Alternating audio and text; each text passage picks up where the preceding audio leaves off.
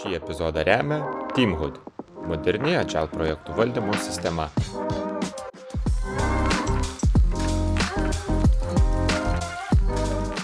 Sveiki visi, čia Graždas Šedys. Šiandien mes vėl ant Agile sofos. Šį kartą svečiuose turime Gintarę Stundytę, Agile entuziastę, praktikę.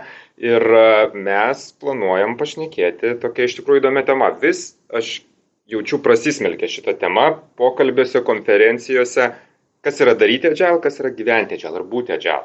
Na, gyventi gal nesmeniniam gyvenime, nors gal ir apie tai pašnekėsim, nežinau, bet, bet kaip sakyti, organizacijai gyventi agile, ar ne? Tai uh, labas gintarė visų pirma, smagu čia tave turėti. Labas, man irgi visai smagu čia būti. Tai gal nuo to ir pradėkim tada, aš tokį labai platų bendrinį klausimą. Tai kas yra tas gyventi agile, kuo, kuo jis skiriasi nuo to būti, daryti agile, ne? Aš turbūt turiu kelis pavyzdžius ir vienas iš jų man dar labai primena, kad Konstitucijos prospekte pas mus lygiai taip pat buvo statomas vienas iš pastatų. Mhm. Ir pirmas aukštas, antras aukštas jau gyveno, o paskutinio aukšto dar net nebuvo. Tai čia turbūt vienas iš tų pavyzdžių, kaip galima ir gyventi, ir daryti agile viską vienu metu. O jeigu taip žiūrėti, kaip tas persismelkia įmoniai, tai man labai gražiai pasilygina didelės įmonės, kurios jau turi ilgalaikę patirtį mhm. ir mažesnės, kurios yra pakankamai jaunos. Taip. Ir bet būtent mažesnėse to klausimo apie tai, o kaipgi mes darysime agilą, net nekyla, nes iš savęs pokytis jisai toks yra greitas, kad žmonės tiesiog jame gyvena ir prie jo adaptuojasi. Tai va, va čia turbūt man yra apie tą tokį gyvenimą, kur. Mhm. Ir tai ten nusprendėm. Net net nežinodami, kad čia darom, neturėdami tos intencijos, kad čia dabar būsim mažiau, juos taip. aplinkai pareigoja būti lankstiem, greitiem ir panašiai. Ir labai netgi turbūt konkretus pavyzdžiai, vat, ar ne, dabar vat, tenka dirbti su Open Bankingo visa struktūra, mhm. visa Europa ir yra tokie dalykai, kad pajungi banką, po valandos jisai neveikia. Mhm. Ir, o tu turi testuoti su klientu ir rodyti to šalies kitą banką. Tai eini ir priimi sprendimą, kaip pajungti kitą, mhm. kad ant pietų jau būtų paruošta ir viskas veiktų. Ir net nekyla klausimų apie tai, kad ar čia daryti, ką daryti, kaip tvarkyti ir panašiai, tu tiesiog labai natūraliai, organiškai tą reaguoji kaip į situaciją. Mhm. Skamba tikrai gerai, jeigu taip vyksta, bet ne visada taip vyksta. Ne visada. Tai va ir klausimas, galbūt iš tikrųjų, ar čia yra tas, kad į tą įeiti gali lengvai tik tais tos nu, organizacijos, kurios kūrėsi, nu, startupai, naujos kompanijos, ar ne, mhm. kur, na, jie augo Taip. su tuo ir jiems reikėjo ieškoti sprendimų ir tarsi tas toksai mąstymas jau įdėktas pas juos. Bet tos kompanijos, kurios, na, turi praeitį, uh, istoriją, jiem reikia adaptuotis. Ir tada tas neįmanoma, sunku, kaip gal turi kažkokių tai pavyzdžių. Taip, labai sunku. Ir, ir va čia tada ateina tas momentas, kai norisi to greičio, norisi, kad žmonės mokėtų patys priminėti sprendimus, norisi, kad reaguotų į situaciją adekvačiai ir supranti, kad iš savęs organizacija jau tiek yra apsistačiusi įvairiais rodikliais, matavimo vienetais, taisyklėmis, mhm. kad net norėdamas kažką padaryti, tu supranti, kad tu turėsi klausti vadovo, vadovas galbūt turėsi klausti savo vadovo, dar turi nueiti į kažkokį komitetą. Gerai, jeigu viskas nutinka per vieną dieną, mhm. bet kartais nutinka per tris savaitės. Taip. Ir tada atsiranda ta praktika, kad būkime agile arba darykime agile. Mhm. Mano pačios patirtis, jinai daugiau ateina iš telija laikų, mhm. tai dėgiam seifą. Taip. Tam, kad organizacija galėtų būti agile, agile dirbti. Bet galiausiai vat, viskas išvirsta į tai, kad kai kurios komandos, kurios turi daugiau to tokio savarankiškumo, tai jie savyje verda, keičia savo backlogus, prioritizuojasi labai greitai. Bet tos komandos, kurios turi mažiau tos brandos, yra naujesnės, jos tada daro vadinamąjį mažytį waterfallą. Mhm. Planuojasi, dėliojasi, einasi viską tvirtinasi, ilgai užtrunka ir tada patys iš savęs klausia, tai kaip čia tas adžialas gali veikti, jeigu mums sprendimą gauti reikia laukti mėnesį. Taip. Tai korporatyvam yra sunkiau. Mhm. Bet e, tai ką jam rekomenduoti? Sunku ar, ar, vat, ar neįmanoma, ar kaip tas komandos, kurios tą mažą waterfallą visgi pastumti. Ar čia galbūt geras pirmas žingsnis, perėti prie mažo waterfallų, tada prie džailo, ar iš karto jas reikia kažkaip tai perversti 360. Mm, užauginti patirtį reikia laiko. Mhm. Tai matyt pati pradžia, kai skaidai gabaliukais ir tokiu būdu žmonės mokini bent jau išmokti susiskaidyti savo backlogą, kad jį būtų galima prioritizuoti, jau yra gerai. Mhm. Nes jau tu pradedi galvoti nebe šviesmečiais į priekį, o jau savaitėmis, bent jau mėnesiais į priekį. Kas labai daug pagreitina ir labai greitai, jau daug greičiau gali adaptuotis. Mhm. Bet kalbant apie korporatyvus, tai aš turiu savo vieną tokį favoritę įmonę, kuri man labai patinka ir aš vis ją pasižiūriu ir knygas skaitau, tai yra Netflixas. Mhm. iš savęs, ką jie daro, jie moko žmonės priminėti sprendimus. Mhm. Nepaklusti procedūrom, o grinai, bet priminėti sprendimus. Ir gerais laikais tai puikiai veikia, dabar vat matom, ne, ten visokiausių niuansų yra, bet gerais laikais tai puikiai veikia, nes kiekvieną kartą, kai tu atini pas vadovą atsiklausti, ar aš galiu, a, vadovo klausimas yra atgal apie tai, o kodėl ne. Mhm. Ir tokiu būdu tada išmoksti apgalvoti visas situacijas ir priimti sprendimus pats. Ir tada tas agile visas principas jis leidžia įsigilinti į komandas. Mhm. Jeigu tą kaskaduojam. Tai įmanoma didelėse įmonėse užtrunka. Taip. Aš pati Vatelijoje mačiau, kad na, tas prie manęs jau man dirbant Telijoje du metus dėgiam seifą. Galima taip vadinti. Ir vis dar yra tikrai daug pamokų, kurias reikia išmokti. Mhm. Bet tai ką galbūt galėtumėm parekomenduoti tokiam kompanijom, ne, kuriams reikia transformuotis. Natelė tai labai didžiulė kompanija, pavyzdys ir ne ilgą istoriją turinti, galbūt ne visos tokios, a, bet, bet su tais iššūkiais susiduria vienai par kitaip. Nuo ko visgi pradėti? Ar po komandą, ar kaip tą mąstymą visoje organizacijoje skatinti, ką, ką tu rekomenduotum? Tikrai labai yra gerai, jeigu galima surasti tokią komandą, kuri yra pakankamai izoliuota nuo kitų, kad galėtų mhm. priminėti sprendimus, ne, nereikėtų atsiklausti labai stipriai arba labai susiderinti. Tai čia turbūt kitas pavyzdys, irgi galiu, va, tarkim, galbūt apie hostingerį irgi pasižiūrėti, ar ne, jau pakankamai didelė įmonė, tūkstantis žmonių mhm. per, per visą pasaulį dirbanti, e, bet gyvena agilų pakankamai stipriai, mhm. nes ten yra atvirumo kultūra. Tai yra viskas visiems darbuotojams yra prieinama, tai reiškia, jeigu aš noriu priimti sprendimą, man nereikia pas kažką įti atsiklausti. Aš galiu tiesiog paskaityti, pasižiūrėti, susirasti ir jau tik lieka pasitikslinti detalės. Tai sprendimus aš galiu priimti greitai. Tai va čia turbūt vienas iš tų yra raktų, kur komanda yra išmokstama susirasti visą reikalingą informaciją įmonės viduje, kad galėtų priminėti sprendimus. Tai va čia va vienas iš tų tokių raktų, kur aš mačiau, kaip, kaip veikia praktikoje. Mhm. Ir veikia gana neblogai. Atvirumą skatinti, žodžiu, komandom leisti, e, skatinti komandas gal galia atsiverti pačias, ar ne, pradėti Taip. nuo to.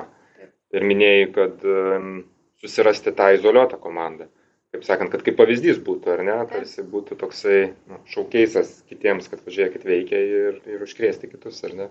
Ne, dabar, va, tu, ką turiu pavyzdžius, o ne pas save, va, Kevinė, tai iš savęs įmonė dar nepakankamai nedidelė, ten 250 mhm. žmonių ar ne kažkur. Ir komandos jos pakankamai viena nuo kitos nepriklauso, nes skirtingas labai produkto šakas daro, jie susieina tik pačiam gale ar ne į bendrą rezultatą. Tai tos komandos, kurios jau yra savarankiškos, susidirbusios, jos tikrai gali dirbti, virti pas save ir jom nebereikia nei, nei labai ilgų planavimų, nei labai detalių kažkokių išsišnekėjimų ar kažkokių architektūrų, nes jau yra pagavę ritmą, žino, kas ką daro, pas kas pas ką turi pasiklausti, kad galėtų padaryti rezultatą. Ir bet, bet čia vat nutinka taip, sakau, vat ryte identifikavom, kad neveikia, iki pietų pasitaisėm, po pietų pakeitėm savo kryptį mhm. tam, kad būtų rezultatas. Tos komandos, kurios yra mažiau subrendusios, ten pakankamai dar užtrunka reikalai. Um, bet kalbant apie tos procesus tada tam komandom, ne, ar tai visgi raktas yra leisti joms tiesiog gyvuoti ir va, yra problema, yra iššūkis, reikia išspręsti tiesiog, kaip jau reikia, taip ir darykim, ar ne? Ar visgi kažkokie tai procesai, na, turi palaikyti kažkokią tai liniją, aš kalbu tie patys, va, žinai, planavimai, nežinau, skramas, neskramas, kažkas tai galų galėtos tokios kasdienės praktikos um, šitoj vietoj žaidžia, e, groja šitie dalykai? Ar... Groja, aišku, kad groja. Mes komandam šiaip daugumą dalykų leidžiam pasirinkti pačiom, kaip mhm. jos norėtų dirbti, bet vis tiek turim bendrą e, liniją, pagal kurią dirba visi. Taip. Didžiuosius planavimus, tokios krypties nusistatymą mes turim ketvirtinius, kad mhm. bent jau galėtume matyti, ar taikom visi temą ir kad žinotume, ką darom dėl to paties. Tada komandos jau leidžiasi gilyn, planuojasi pas save daug detaliau backlogą, ką galėtų susidėti, kas pirmieji žingsniai, dėl kurių judam. Ir tada jau prasideda sprintai, dvi savaitiniai, prasideda, kas e, kiekvieną dieną turi stand-upus, kas rečiau tos turi stand-upus, kaip jau susidirbusios komandos. Tai rutina turi, nes bet kokia atveju dalintis reikia ir ypatingai dirbant nuotoliu, mhm. gaunasi, kad na, pasikalbėti tiesiog virtuvai prie kavos nebeišeina. Tai mhm. tu turi tą labai stipriai planuoti, kad galėtų žmonės normaliai dirbti. Rutina bet kokia atveju jinai padeda. Mhm. Kas prie to dar labai prisideda, tai žmonių supratimas, kad jie gali pakeisti ir gali pasikeisti. Tai yra, kad gali įreaguoti į situaciją, nereikia laukti. Taip. Bet šitas supratimas labiausiai duoda. Nes tada tiesiog jam yra gėlį ir paskambina ir pasišnekė. Taip. Man labai patiko tas, e, kad jie gali pakeisti. Taip. Aš e, turėjau, turiu irgi pavyzdžių, kai, na, kartais tas noras kažką greičiau padaryti, na, tiesiog būti labiau agile yra ribojamas to, kad tu nejauti, jog turi iš tikrųjų įtaką kažkokia kompanija. Na, tiesiog tavo kasdienis darbas, taip nes, nejauti, kaip jisai mhm. ryšiasi, nežinau, į pelną galų galę, ar ten pajamas kompanijos augimą, kas tai bebūtų, ar ne, kokį ten jau tą tikslą nusistatom. Na, tuomet ta savotiška motivacija, va, išspręsti iki pietų kažką tai e, greitai, tai, nu, kam. Nu, va, čia mhm. geriau išsiaiškinam, padarysim geriau. Ypač dar netgi, tarp kitko, turiu pavyzdžių, kai labai patyrusios komandos, nu, turiu menį, um, labiau patyrę inžinieriai, pavyzdžiui, ilgametę patirtį turi, e, nukrypsta į tą, kad tada pradeda, na kaip pasakyti, viską iki aukso dulkių, nu, nugryninti. Ir, perfekcionizmas. Tai, tas mhm. perfekcionizmas atsiranda. Bet aš čia tai sieju su to, kad nejaučiu, kad uh, kokią šitą galiu padaryti, jeigu padarysiu greičiau. Mhm. Tai nežinau, ar teko susidurti su tokiu ir gal netgi kažkokių sprendimų, žinai, šitoje vietoje. Visada, kiekvieną dieną. Nes uh, labai natūraliai tie žmonės, kurie labai mėgsta daryti greitai, užsideda savo labai didelius tikslus ir mhm. savo galvoje paprastai suformuluoja daug rimtesnį tikslą, negu iš tavęs tikisi natūralu, kad jį pasiekti reikia labai daug laiko. Mhm. Ir tada reikia eiti į kompromisą, tiek su įmonė, tiek su savim, kas yra labai sunku ir mhm. labai svarbu, kad komanda tą pastebėtų. Tai e, tikrai būna ir tikrai inžinierių daly būna apie tai, kad na, negalim dar paleisti, nes čiagi yra dar bagas, kuris paveikia mhm. tris klientus. Mhm. Ir, ir natūralu, kad tie įpročiai tokie atsiranda, bet ką mes darome, mes atgal pasakoti pradėm žmonėms ir darbuotojams apie tai, ko mes siekiam. Taip. Ir ypatingai, kai naują produktą darai, tu negali jo padaryti tobulai, nes e, tu darai taip, kaip įsivaizduoji tu, bet nežinai, kaip tą supras klientas. Mhm. Ir kuo tu ilgiau laikais užsidaręs, kuo tu daugiau investuoji laiko, kuo tu daugiau įdedi pastangų į, į visą išgražinimą, į visą ištobulinimą, atiduodi klientui ir staiga jisai suranda būdą naudoti jį visai kitaip. Mhm. Ir nesupranti, kaip čia dabar taip nutiko, nes, nu, atrodo, tobulą kelią padarai. Tai noras yra, kad iš tikrųjų dirbti su tuo klientu kartu. Mhm. O norint dirbti su klientu kartu, turi suprasti, kad jis atiduos pradžioje turbūt nelabai pozityvų grįžtamą ryšį, mhm. bet tu turi įreaguoti, nes tai yra tavo da, tas tobulinimuose kelias. Mhm. Tai vad, kai pradedi išmokti šitą daryti ir tą priimti, tada tu gali važiuoti labai greitai, mažai žingsniukais, nebijodamas ir prisipažintamas, kad tikrai ne viskas yra tobulą čia tas e, visada tada toksai, nu kaip pasakyti, tą dilemą e, inžinieriai ypač neina, prisikursim techninės skolos, tada negalėsim skailinti, ten aukti ir taip toliau. Taip. Kaip šitą balansą rasti, ar visgi tada procesais tą įdėkti, kad tarkim, na, kūrim produktą, nežinau, ten keturis sprintus ir tada vienas sprintas visiškai ten techniniam uh, išsivalyti, kaip sakant, uh, smėlio dėžį ir dar kažkam, ar ne. Tai gal čia kažkokiu tai praktiku uh, turi ir teko. Kelis būdus. Um Tai vienas iš būdų toks e, labai turbūt yra, sakyčiau, brutalus, kai sakom, kad dabar kuriam naują, sakykime, vieną mhm. sprintą, sekantį sprintą taisysim technologinę skolą. Mhm. Na, tai ir komandos motivacija atitinkamai ir nebanguoja, čia dabar tvarkomės daržo, čia dabar kuriam naujus dalykus. Kitas momentas yra per žmonių kompetencijas išskaidyti. Mhm. Tai vieni žmonės yra tie, kurie tikrai labai žino, kaip viską galima daryti ir yra pakankamai brandus jau, kad galėtų kurti naujus dalykus, tai jie važiuoja kaip vis laikant tos kūrybos. Kiti turi mokintis, ne, kad galėtų pasivyti. Tada yra tas sluoksnis, kurie padeda tvarkyti tai, ką jie daro. Mokymosi tikslais. Okay. Tai tada gaunasi, kad tokiu būdu tu gali per kompetencijos laiptelius pastoviai turėti tvarkymą, pastoviai turėti naują gamybą. Bet šitą gali daryti tik tada, kai įmonė yra beprotiškai greitai auganti. Tai mes dabar turim tą fortūno, sakykime, tą dalį, kai e, kalbam apie beprotišką scalą ir augimą į Europą, kur nekalba apie tai, kaip komandas mažinti, kalbam mhm. apie tai, kad vis negana. Taip. Tai tada tos erdvės visą laiką ir kurti, ir vytis jos yra labai daug. Ir žmonės tas motivuoja. Natūraliai, nes tu matai, kur tu gali užaukti ir kaip greitai gali užaukti, nes labai nuo tavęs pačio priklauso. Korporatyvose sunkiau. Taip, bet iš tikrųjų labai įdomi praktika, kažkaip tai niekada nesusimašiau, nors atrodo taip natūraliai kartais vyksta, mm. bet, bet iš tiesų tie, kurie galbūt turi mokytis, jiems dar geriau yra eiti, mhm. žiūrėti, ieškoti, kodą mokytis ar ten ką bereikia daryti tada. Um, supratau. Gerai, kalbant apie tą e, dar buvimą agile, ar ne, kasdien mes kalbėjom nu, apie tai, kad tai tiesiog yra, nu, vat, kaip greitai išspręsiu, kaip greitai padarysiu ir e, tą komandų įgalinimą, tai e, tikslai, paminėjai, ne, kad reikia turėti aiškus tikslus, žinoti, mhm. Kaip juos visgi geriausia atvesti į komandą. Ar kiekviena komanda turi žinoti tikslą, nežinau, komandų junginys, ten departamentas, kas bebūtų, turi savo tikslus, kaip jūs organizuojat, galbūt kažkokį tai netgi ten metodą naudojat. Dabar OKR populiarūs ar kažkas. Mes tai. dirbam pagal OKR iš tikrųjų. Tai įmonė mes planuojam ketvirčiai, sokeras e, yra vietoje, susistatom, susistiguojam, pasižiūrim, kaip sekėsi praeitą ketvirtį, ar turim pasikeisti kažką nepasikeisti. Ir būna tikrai, kad pakeičiam. Mhm. E, ir va čia va įsijungia ta ir gražioji pusė, ir sunkioji pusė. Kai reikia grįžti atgal į komandas ir papasakoti apie tai, kad, na, o dabar tai, ką darėm, biški nebedarysim. Mhm. Darysim kitaip. Tai vienos komandos, kurios yra labiau pratusios, jos labai gražiai tą adaptuojasi, įsiskaido į savo, į savo tikslus ir šiaip tikrai norim, kad kiekviena komanda turėtų tikslus susidėjusi, mhm. kad galėtų matyti. Netgi individualiai stengiamės, kad kiekvienas žmogus suprastų, kaip jisai prisideda prie tų tikslų. Ne visada gaunasi, nes e, kai kurios komandos jos tiesiog yra toj rutinoj, kur labai sunku žmogui paaiškinti, koks tas tikslas galėtų būti. Bet e, komandos taip, jos tikrai turi tikslus, nepaisant to, jie gali pasikeisti. Mhm. Um, toks geras dalykas. mūsų yra, taip. Tai, tai, tai, ja, o geras toksai dabar labai populiaru, kaip sako, nauja juoda, ar ne, tai uh, auga, nes pakankamai agile būdas tikslams mhm. sėti, ypač jeigu mes kalbam apie tai, kad suvokti, kokią šitą ką padarau, ne, ne, ne tik ką pagaminu, ar ne, bet ką tas pagamintas dalykas uh, sukuria. Šiaip čia vat yra viena iš tokių didesnių spastų, mhm. nes o geras pas iš savęs jisai apie tai, kokią tu vertę gali sukurti. Taip. O mąstyti norisi visada labai konkrečiais dalykais, tai yra pasidaryti vos ne feature ar projektų sąrašą, mhm. kurį aš turiu padaryti. Bet projektų sąrašas jis tave uždaro, nes jeigu tu kažko negali padaryti, tu turi pasilikti su laisvės kažkaip pasikeisti. Mhm. Ir va čia, bet kaip ir sakau, ar ne, yra tos komandos, kurios susideda savo backlogą, va, dabar per šitą ketvirtį padarysim ten tokius penkis feature'us. Ir ant pirmo užstringa. Mhm. Tu tai ir sakai, žiūrėk, dabar šitą dedam į šoną, einam prie sekančio ir viskas, ir išaudo viskas mhm. komandai, per visas emocijas, per viską. Tai va čia va tas va, mokėti gyventi pokytyje irgi mhm. labai yra svarbu, nes suprasti, kad tai, ką dariau šiandien, rytoj gali tekti padėti į stalčių, yra labai sunku. Mhm. Prisirišti. Taip, vienareikšmiškai, mano kūdikis, ar ne, kurio, kurio dabar reikia atsisakyti tiek laiko, tiek darbo įdėta, tiek pastangų.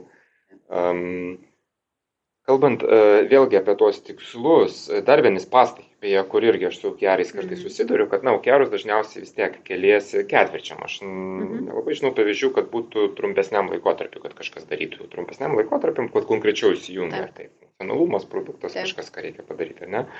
Um, tai labai susifokusuojama į tai, kad tą rezultatą ir duosiu po ketvirčio tarsi mes pamirštam tą inkrementalumo principą, mhm. ar ne, kad aš visgi turiu rezultatą rodyti, nu, kas sprinta, pavyzdžiui, ar ne, nu, gerai, kas mė, nu, koks tas tavo sprintas, ar kažkokia iteracija, kažkokia ritmika, kurią tu dirbi. Um, nepapuolate tokius pastus, kaip išlipat, jeigu papuolat? Kaip, uh, Viską būna, aišku, kad būna. Komandos būna labai užsisuka apie tai, kad neveikia, neveikia, neveikia. Bet čia turim mhm. laiko. Taip. Tas turbūt pagrindinė mintis yra viso šito okearo, va tokia atvirkščia, kad tarsi dar turiu laiko, kada mane pamatuos. Mhm. Ir labai įdomu yra tai, kad, na, iš tikrųjų, jeigu tau nesiseka, tai im kažką kito bandyk daryti toliau perplanuok, nes, na, sprintai yra vietoje. Taip. Tai tuos pastus irgi matom, turim, ne, už tai labai norim viską matuoti. Mhm. Ir čia vėlgi, turbūt agailas yra mažiau su tuo susijęs, bet ką mes esame identifikavę savo, kad kai pradedi kalbėti apie kažkokias metrikas, kaip tai veikia, žmonės pradeda kitaip galvoti apie savo rezultatą. Kol tai yra teorija, ne, bet padarysiu feature, paleisiu kažkada ir sprintas ir sprinto keliasi tolyn, nes -hmm. nu iki mhm. ketvirčio pabaigos dar nėra. Taip. Bet kai pradedi matuoti ir pradedi matyti, kad, na, dar nėra, dar nėra, jau kaip ir turėtų, ir vizualiai net parodyti, ne, kad turi šitiek, mhm. o liko laiko tik šitiek ir čia dar nieko nesigavo. Tai atrodo maži dalykai, bet vizualika ir matavimas jisai daug duoda ir pastovus apie tai kalbėjimas. Aš labai pritariu dėl to pastovaus kalbėjimo, mes irgi stengiamės taip daryti, kad, na, aš tai bent jau taip, taip rekomenduoju ir mokau, kad, na, aukiarus komandos savo turi kalbėti po kiekvieno sprinto, nesvarbu, kokio tu ilgio tą sprintą jau turi kaip komanda, po kiekvieno sprinto turi pažiūrėti ne tik į sprinto ten tikslą ir backlogą padarytą, nepadarytą, bet ir vat, pokytį sukūriau ar nesukūriau, mūsų ta mhm. adata pajudėjo ar nepajudėjo mhm. kažkur tai. Jeigu nepajudėjo, ar mes vis dar galvom, kad ją pajudinsim, Ar jau tada mums reikia galvoti ir eiti derinti, kad čia, kad, nu, ta prasme, kažkokie tikslai nebus pasiekti, kažkokios metrikos nebus pasiektos. Um, beje, tas labai siejasi ir su tuo, kad reikia labai daug matuoti. čia mhm. tokias pastai irgi didelėm arba seniau dirbančiam kompanijom, kad labai sunku ta, tos matavimus atrasti tokius teisingus. Taip, taip. Ir, ir čia abiejose pusėse. Um, įmonės, kurios jau daugiau tos patirties turėjom sunku tas metrikas išgauti, nes, na, tiesiog kompleksikos labai daug. Mhm. Tuo tarpu mažiukai jie dar neturi. Mhm. Tiesiog dar neturi kaip pamatuoti. Taip. Bet čia kitokie ties pastai yra ir tada gaunasi, kad tu turi labai stipriai atsigręžti į grįžtamą į ryšį tiek kitų komandų, tiek klientų. Ir va čia va yra tas va, baimės ir perfekcionizmo lygis, ne, kada jau aš galiu išeiti su produktu į viešumą. Mhm. Nes na, viskam būna. Taip, čia be abejo kartais na, tas lean startup principas, Taip. atiduokim, pasimatuokim, Taip. patiks, nepatiks, žinosim Taip. bent jau kaip klientai. Kita vertus, kartais atėjus prastai į rinką galima labai skaudžiai ir nudegti. O, ypač, tai... pavyzdžiui, Lietuva.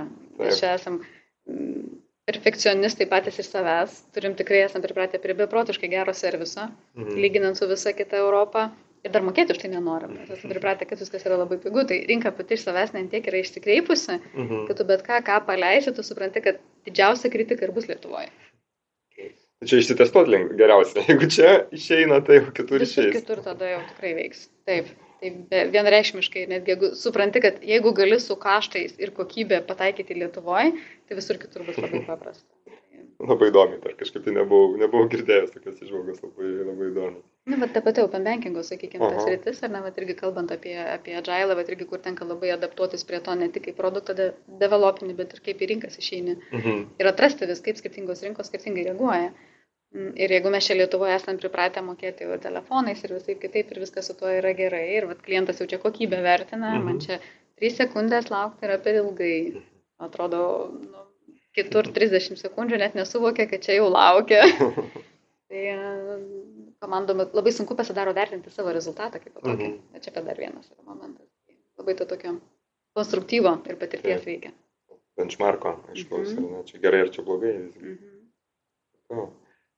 Gerai, aš įsivaizduoju, kad, na, tas toksai gyvenimas atžal, na, be abejo, mes visada norime tą nueiti, bet um, gal jis turi ir tokių, nu, tamsiųjų pusių. Vienreikšmiškai turim.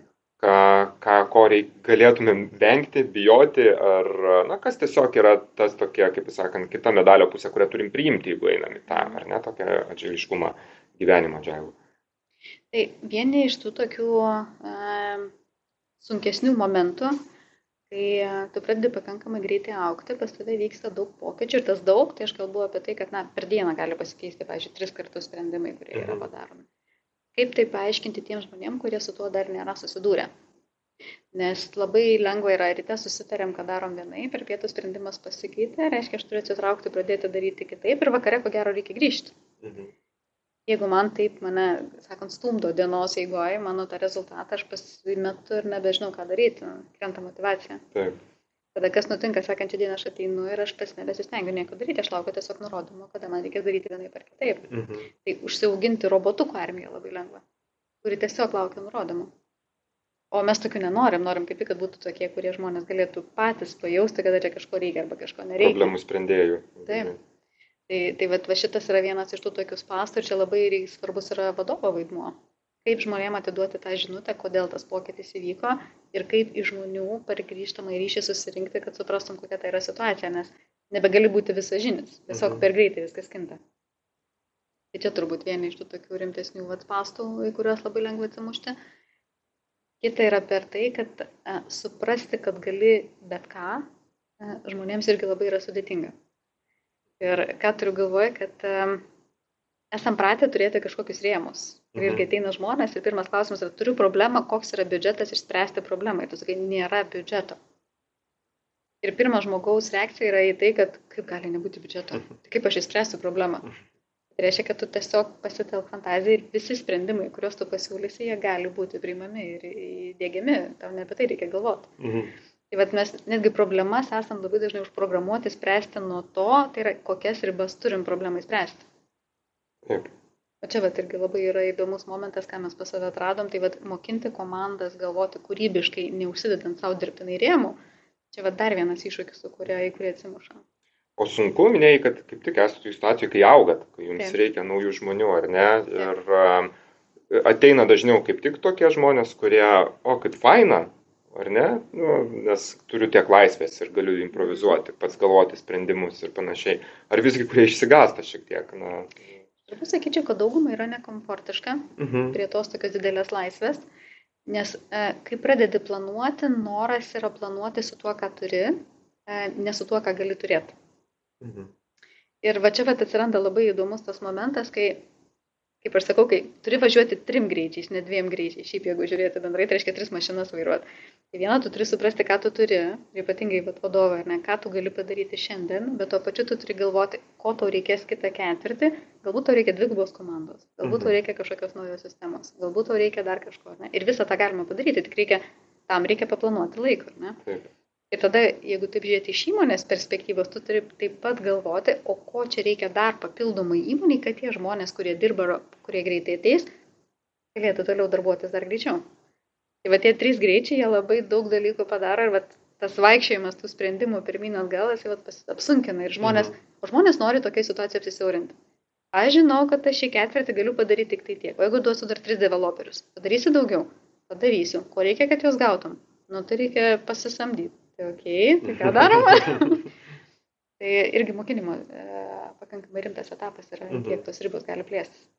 Supratau, na, aš esu pastebėjęs tą tokį visgi, na čia turbūt žmogiška, kad um, komandos ar žmonės, kurie dirba tokiam labiau užspaustam, tai reikalauja laisvės, tarsi čia mus tai priboja, mes čia norim laisvės ir tada Vilnius sakai, prašau jums laisvę, ir tada mhm. pasimeta žmonės, okei, okay. o kas dabar? Tada sako, nėra krypties. Jo, ne, nu, kryptis, aš manau, yra reikalinga. Visiems. Kryptis yra reikalinga, ar ne? Čia yra, čia yra tas fundamentas. Tik tais, kad aš tą kryptį galiu pasiekti, jau ieškoti sprendimų pats. Mhm. Tai va tas kartais ir šito išsigąsti, kad tarsi sakai, na, taip tu turi laisvę dabar pasidaryti, bet ir turi atsakomybę. Ir tada galbūt žmogus ir tos atsakomybės išsigasta. Mhm. Tarsi aš čia dabar ok, dabar čia nuo manęs priklausys sprendimas, o jeigu blogą pasiūlysiu sprendimą ir, ir visas tas dviejonės. Visos baimės. Taip, tai čia aišku, kaip minėjai, lyderių ir, ir turbūt na, organizacijoje seniau dirbančių žmonių turėtų būti tas įtaka, kad na, atvesti į kelią, ypač naujai prisijungusių žmonių. Mokytis kalb, komandas kalbėtis. Aha. Čia bet irgi dar labai vienas yra svarbus momentas, kad e, labai noras yra susikoncentruoti tai, ką galiu aš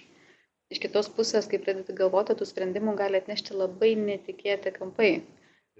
Tarkim, aš gaminu kokį nors funkcionalumą ir ateina koks nors iš klientų suporto žmogus ir sako, žiūrėk, bet klientas niekada šitaip nesirenka, jis renkasi visiškai kitaip. Ir va, tas va, suvokimo momentas, jisai gali labai pakeisti tą kryptį. Tai, o natūraliai eiti tiesiog pasiklausyti, tai ką čia dabar tie klientai jums siunčia. Rodo, nėra laiko. Mhm. Nes aš skubu, nes mano keras yra, mano tikslai yra, mano sprintas yra. Tai vad vadovo dar vienas yra vaidmuo yra apie tai, kad kaip sujungti skirtingas komandas kalbėti. Nes natūraliai tai noras eiti daryti, nekalbėti. Taip. Ir čia iš tikrųjų dar netgi galima tą diskusiją pakelti dar aukščiau. Kokią struktūrą turi uh, turėti kompanija, kad jinai būtų labiau Taip. įgalinanti šitą, ar ne? Nes mes, uh, na, turim įpartį prisikurti tų mhm. silos vadinamų, ar ne? Ir tada jau sunku balansuoti tarp jų. Uh, nežinau, gal čia turi patirties, kaip visgi aukti, išlaikant tą tokį natūralų, nes natūralu, kuo didesnė kompanija, tuo tų linijų komunikacijos pasidaro daugiau. Ir tada mums apsunkėja. Tai kaip tada visą tą vėl su, sudėti į dėžutę kažkokią. Tai, ne? Čia turiu tokią um, pastebėjusi tokį verslo ritmą. Mes visada einam ciklais. Ir jeigu taip korporatyvai, tai turbūt visą laiką gali išgirsti, kažkur centralizuoja, kažkur decentralizuoja, mhm. vėl centralizuoja, vėl decentralizuoja. Taip. Šiaip nebereikalas šitas dalykas vyksta ir jis atneša savo naudos, nes netgi dabar komandose, bet irgi tikrai Komandas mes keičiam ir struktūrą pakankamai dažnai pagal tai, kokį uždavinį sprendžiam. Mhm. Nes vienu momentu gali reikėti tokios komandos, kuri yra labiau sufokusuota, pavyzdžiui, į dizainą. Natūralu, kad tu ten dedi kelis dizainerius, mažiau developerių, tiesiog, kad galima būtų išspręsti tą problemą, kurią sprendi. Tuo tarpu, jeigu praeis pusę metų, galbūt jau klausimas yra nebe dizaino, bet jau kaip tik yra funkcionalumų, kur jau tu visiškai tada inžinieringo dalį gerokai praplėti, kad apskritai kažkas galėtų veikti.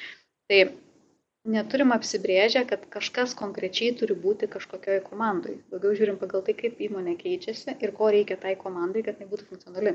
Mhm. Bet čia va turbūt yra vienas iš tų tokių žavesio elementų, kai tu dar gali skirtingus žmonės sudėti į skirtingas komandas nepriklausomai nuo to, ką jie daro. Korporatyvai nežinau, ar jau tą gali savo leisti, galbūt reikėtų pastangų daugiau, kad galėtum persiskirstyti. Mm, bet va tą centralizuojam, decentralizuojam, tai mes labai aktyviai taikom. Mhm. Čia vėlgi, kaip sakant, tas pats mąstymas ar ne, kad keistis tai ne tik tais tas kasdienius galbūt posakius daryti, bet ir kalbant organizaciniu lygiu, ar ne, jeigu reikia daugiau nukreipiam čia, jeigu reikia čia, perdėliojam, retiminam ir panašiai. Ir pamatyti, kad neveikia kažkas. Taip. Ir kažko va trūksta, bet ne, nebandyti marinuoti problemą ją apeiti, bet įgarsinti, kad šiuo metu va čia neveikia, nes Jeigu tu gali tą įvardinti, tu gali rasti sprendimą. Tol, kol apsimeti, kad problemos nėra, e, tol tiesiog prasideda tas malimasis, prasideda nukelinėjimas, pradedama ieškoti priežasčių, kodėl neįmanoma buvo padaryti, bet mhm. to, kad tiesiog išsispręstų vieną kitą klausimą. Gerai, labai mm, smagu šnekėti daug temų, čia ir apie vadovavimą vadovo, kaip sakant, indėlį paminėjom didelės mažas kompanijas augančias ir, ir va, besikeičiančias. Bet laikas jau taip pabaiga, aš visada uždarau mūsų pokalbį klausimų tau, na, klausytojams parekomenduoti, nežinau, ar būt apie šitą temą, arba galbūt tiesiog turi literatūros tave inspiravusios kažkada tai, ar ne, na, būtent gyventi taip, gal turi kažkokiu tai pavyzdžių, knygų, blogų, ką skaitai, ko norėtum pasidalinti. Tai aš jau minėjau pačioje pradžioje, kad mano visiška favoritė knyga yra Netflix'o No Rules Rule, mhm. kur visiškai atidaro tą mąstymų kitokį kampą ir tą įgalinimo žmonių kampą, kas e, labai pakeičia vadovavimą pačią praktiką. O šiaip iš tikrųjų turbūt esminis dalykas yra ne apie tai netgi ką, o skaityti.